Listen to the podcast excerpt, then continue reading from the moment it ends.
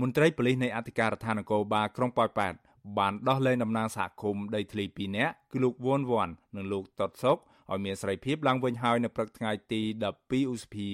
ក្រោយពេលខាត់ខ្លួនពួកលោកយកទៅសាកសួរប្រមាណជា4ម៉ោង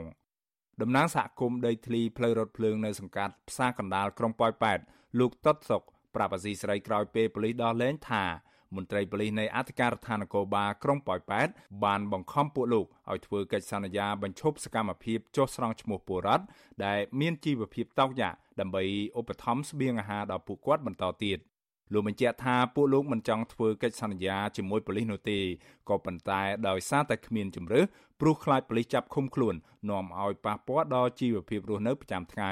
កន្លងមកនឹងខ្ញុំធ្វើនឹងតែប្រជាពលរដ្ឋនឹងបានអង្គបានអីខ្លះមហូបចុកអញ្ចឹងទៅខ្ញុំចម្លើយខ្ញុំឆ្លើយអញ្ចឹងណាហាមឃាត់ខ្ញុំនឹងមកឲ្យធ្វើគេឲ្យខ្ញុំនឹងឈប់ធ្វើសកម្មភាពបែបហ្នឹងឈប់ធ្វើរឿងសកម្មភាពជួយប្រជាពលរដ្ឋហ្នឹង ខ្ញុំគូម្ដងដើម្បីឲ្យប្រជាពលរដ្ឋបានហូបចុកនឹងឲ្យมันមានគោលម្ដងស្អីទេព្រោះគ្នាវាអត់ណាស់ណាវារដ្ឋបិទសិទ្ធិសេរីភាពប្រជាពលរដ្ឋខ្លាំងមែនទែនណាក្មួយប៉ុន្តែថា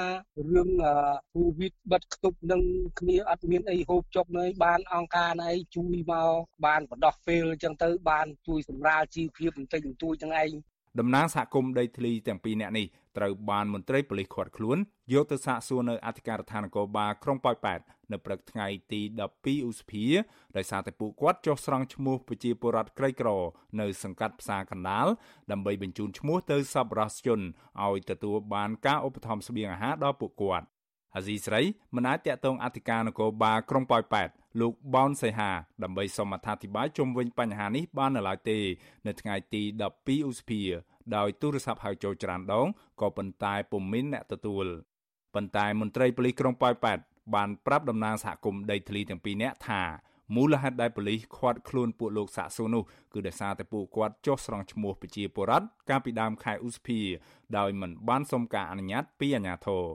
បន្ថែមពីនេះទៀតប៉ូលីសក៏បានសួរដេញដោលអ្នកទាំងពីរថា ពួកគេធ្វើការងារអ្វីហើយស្រង់ឈ្មោះពលរដ្ឋយកទៅណានិងធ្វើដើម្បីអ្វីជាដើមជុំវិញរឿងនេះប្រធានផ្នែកសិទ្ធិមនុស្សនៃសមាគមការពារសិទ្ធិមនុស្សអាត់ហុកលោកនីសុខាយល់ថាតំណាងសហគមន៍ដីធ្លី ដែលស្រង់ឈ្មោះពលរដ្ឋដើម្បីឧបត្ថម្ភជំនួយមនុស្សធម៌នោះគឺពុំមានអ្វីខុសច្បាប់នោះឡើយបន្ថែមពីនេះលោកថាអាញាធរពពាន់គួរតែលើកទឹកចិត្តដល់ពួកគាត់ទៀតផង លោកនីសុខាចាត់ទុកការដែលប៉ូលីសឃាត់ខ្លួនតំណាងសហគមន៍ដីធ្លីយកទៅសាកសួរបែបនេះថាគឺជាការគំរាមកំហែងនិងជាការបំបិទសិទ្ធិសេរីភាពរបស់ពលរដ្ឋដោយខុសច្បាប់ពួកគាត់ គឺសិតតែជាតំណាងឲ្យសហគមន៍នៅក្នុងតំបន់របស់គាត់ហ្នឹងហើយតែគាត់មានទំនាក់ទំនងជាមួយនឹងអ្នកខាងក្រៅក៏ដូចជាការស្គាល់ជាមួយនឹងក្រុមអង្គការសង្គមស៊ីវិលផ្សេងផ្សេងក៏ដូចជាម្ចាស់មូលនិធិអីចឹងទៅគាត់គ្រាន់តែជួយធ្វើកិច្ចការងារហ្នឹងដើម្បីឲ្យជំនួយឬក៏ឲ្យជំនួយមនុស្សធម៌ផ្សេងផ្សេងហ្នឹងឲ្យត្រូវទៅចំគោលដៅអ្នកដែលអត់ពិតប្រាកដហ្នឹងដូច្នេះដើម្បីរកឲ្យឃើញថាអ្នកណាអត់ពិតប្រាកដអត់អីហ្នឹងគាត់ត្រូវធ្វើការសិក្សាដែរអញ្ចឹងអាជ្ញាធរគួរតែជួយសម្រួលដល់រឿងហ្នឹងមិនត្រូវទៅគាត់ខ្លួនទៅចាប់ទៅគាត់ពួកគាត់មើលតែពួកគាត់ប្រព្រឹត្តបទល្មើសអីនេះមិនមែនជារឿងមួយដែលល្អទេកាលពីរសៀលថ្ងៃទី11ឧសភាអាជ្ញាធរក្រុងប៉ោយប៉ែតក៏បានឃាត់ខ្លួនប្រធានសមាគមប្រជាធិបតេយ្យឯករាជ្យនៃសេដ្ឋកិច្ចក្រៅប្រព័ន្ធប្រចាំក្រុងប៉ោយប៉ែតលោកកនណាកនដោយប៉ូលីសបានបញ្ជូនលោកទៅសាកសួរនៅស្នងការដ្ឋាននគរបាលខេត្តបន្ទាយមានជ័យ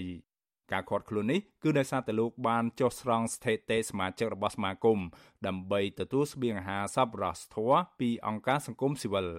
ក្រោយពេលសាកសួរអស់ជាច្រើនម៉ោងអាជ្ញាធរបានសម្រេចបញ្ជូនលោកកនណាកនទៅធ្វើចតាឡេស័កនៅសង្កាត់និមិត្តក្រុងប៉ោយប៉ែតរយៈពេល14ថ្ងៃទើបព្រមដោះលែងលោកឲ្យត្រឡប់ទៅផ្ទះវិញតកតងទៅនឹងការរដ្ឋបិទសកម្មភាពមនុស្សធម៌ជួយដល់ប្រជាពលរដ្ឋដែលកំពុងខ្វះខាតស្បៀងអាហារនេះអង្គការឃ្លាំមើលសិទ្ធិមនុស្សអន្តរជាតិ Human Rights Watch និងអង្គការលើកលែងទោសអន្តរជាតិ Amnesty International បានចេញសេចក្តីថ្លែងការណ៍រិះគន់របបលោកហ៊ុនសែនជាបន្តបន្ទាប់ អង្គការទាំងនេះមើលឃើញថារបបលោកហ៊ុនសែនខកខានមិនបានបំពេញតាមកាតព្វកិច្ចរបស់ខ្លួននៅក្នុងការការពារសហគមន៍ក្រីក្រ និងងាយរងគ្រោះនៅក្នុងអំឡុងពេលបិទគប់នោះឡើយអ្វីដែលគួរឲ្យសោកស្ដាយនិងខកចិត្តបំផុតនោះគឺអាញាធរនៅកន្លែងខ្លះបានរៀបរៀងមិនឲ្យចែកស្បៀងឬបង្កឧបសគ្គដល់ការចែកស្បៀងទាំងនោះទោះបីជាពលរដ្ឋត្រូវការជំនួយជាបន្ទាន់យ៉ាងណាក្តី